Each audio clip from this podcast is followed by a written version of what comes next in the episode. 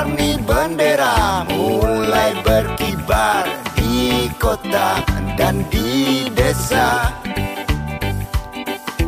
Merah, kuning, hijau, putih hingga biru Yang manakah benderamu? Assalamualaikum warahmatullahi wabarakatuh.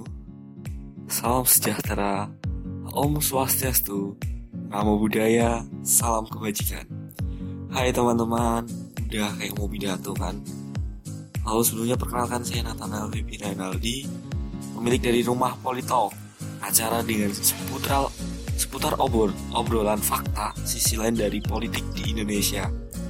Politalk ini murni dari pemikiran saya, terutama dalam hal politik yang itu sendiri uh, membahas tentang masyarakat dalam hal pemilu, terutama pemilu yang masih hangat, yang baru saja kemarin bahkan hari ini belum selesai tahapannya yaitu pemilu serentak 2019. Di dalam budaya pemilu ada banyak fakta menarik yang perlu teman-teman ketahui. Salah satunya budaya begadang warga masyarakat desa saat sehari sebelum pemilu. Kebanyakan dari kalian tentu sudah tahu, sudah ada gambaran tentang apa sih yang dilakukan pemilu di Hamin satu, khususnya di kalangan masyarakat. Ya, pasti kalian terbayang tentang serangan fajar atau hal-hal tentang persiapan pemilu dan di pemilu dan sejenisnya. Namun selain serangan fajar, ada hal yang menarik yang wajib teman-teman ketahui. Di sebuah desa yang jauh dari perkotaan, di pinggir Kabupaten Karanganyar dan Sragen, ada sebuah tradisi yang unik sebelum pemilu.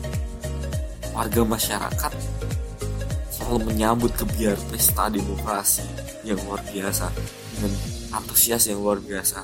Warga masyarakat biasanya melakukan kegiatan untuk berkumpul, berdiskusi, berjaga, dan tak sedikit juga ada masyarakat yang menjadi pemburu kejahatan gitu. Nah, pastinya ada teman-teman yang kepo apa sih pemburu kejahatan gitu. Di desa tersebut ada beberapa warga yang menolak adanya politik uang atau kejahatan dalam pemilu. Mereka menghargai pilihan dari kebanyakan warga atau keputusan bersama yang biasanya sudah diambil sudah menggandeng seseorang yang dapat dipercaya, dipercaya yang dapat memajukan desa tersebut. Biasanya sih uh, dalam hal caleg atau apalah orang-orang figur terkenal gitu yang sudah menjadi langganan desa tersebut. Namun apa jadinya ketika ada seruhan dari calon yang bukan orang yang didukung di desa itu? Pastinya akan menyebabkan pro dan kontra. Ya, mereka akan dikejar dan diusir dari keluar desa itu. Setelah maghrib di Hamin satu pemilu, biasanya mereka berkumpul di dekat TPS, tempat pemilihan umum, dan mengadakan begadang, berjaga, dan persiapan yang lainnya.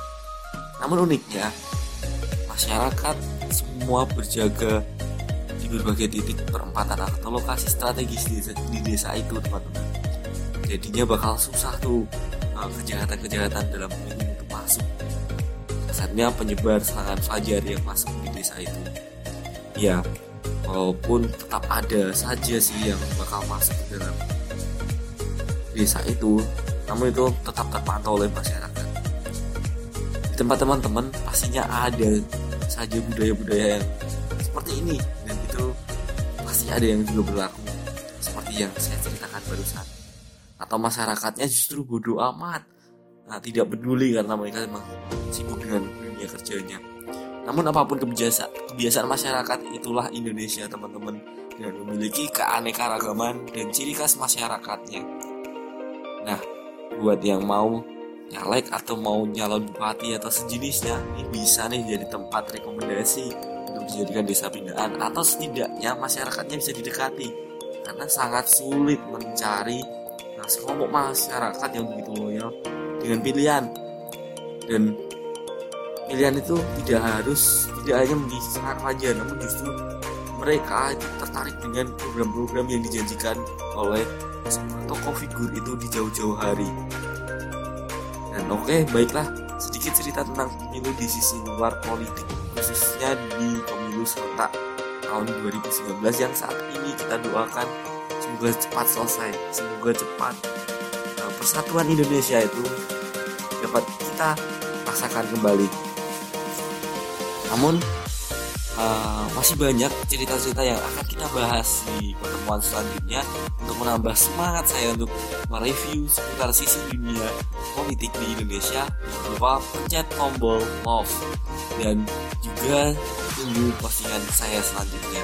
Sekian dari saya teman-teman. Terima kasih. Bye.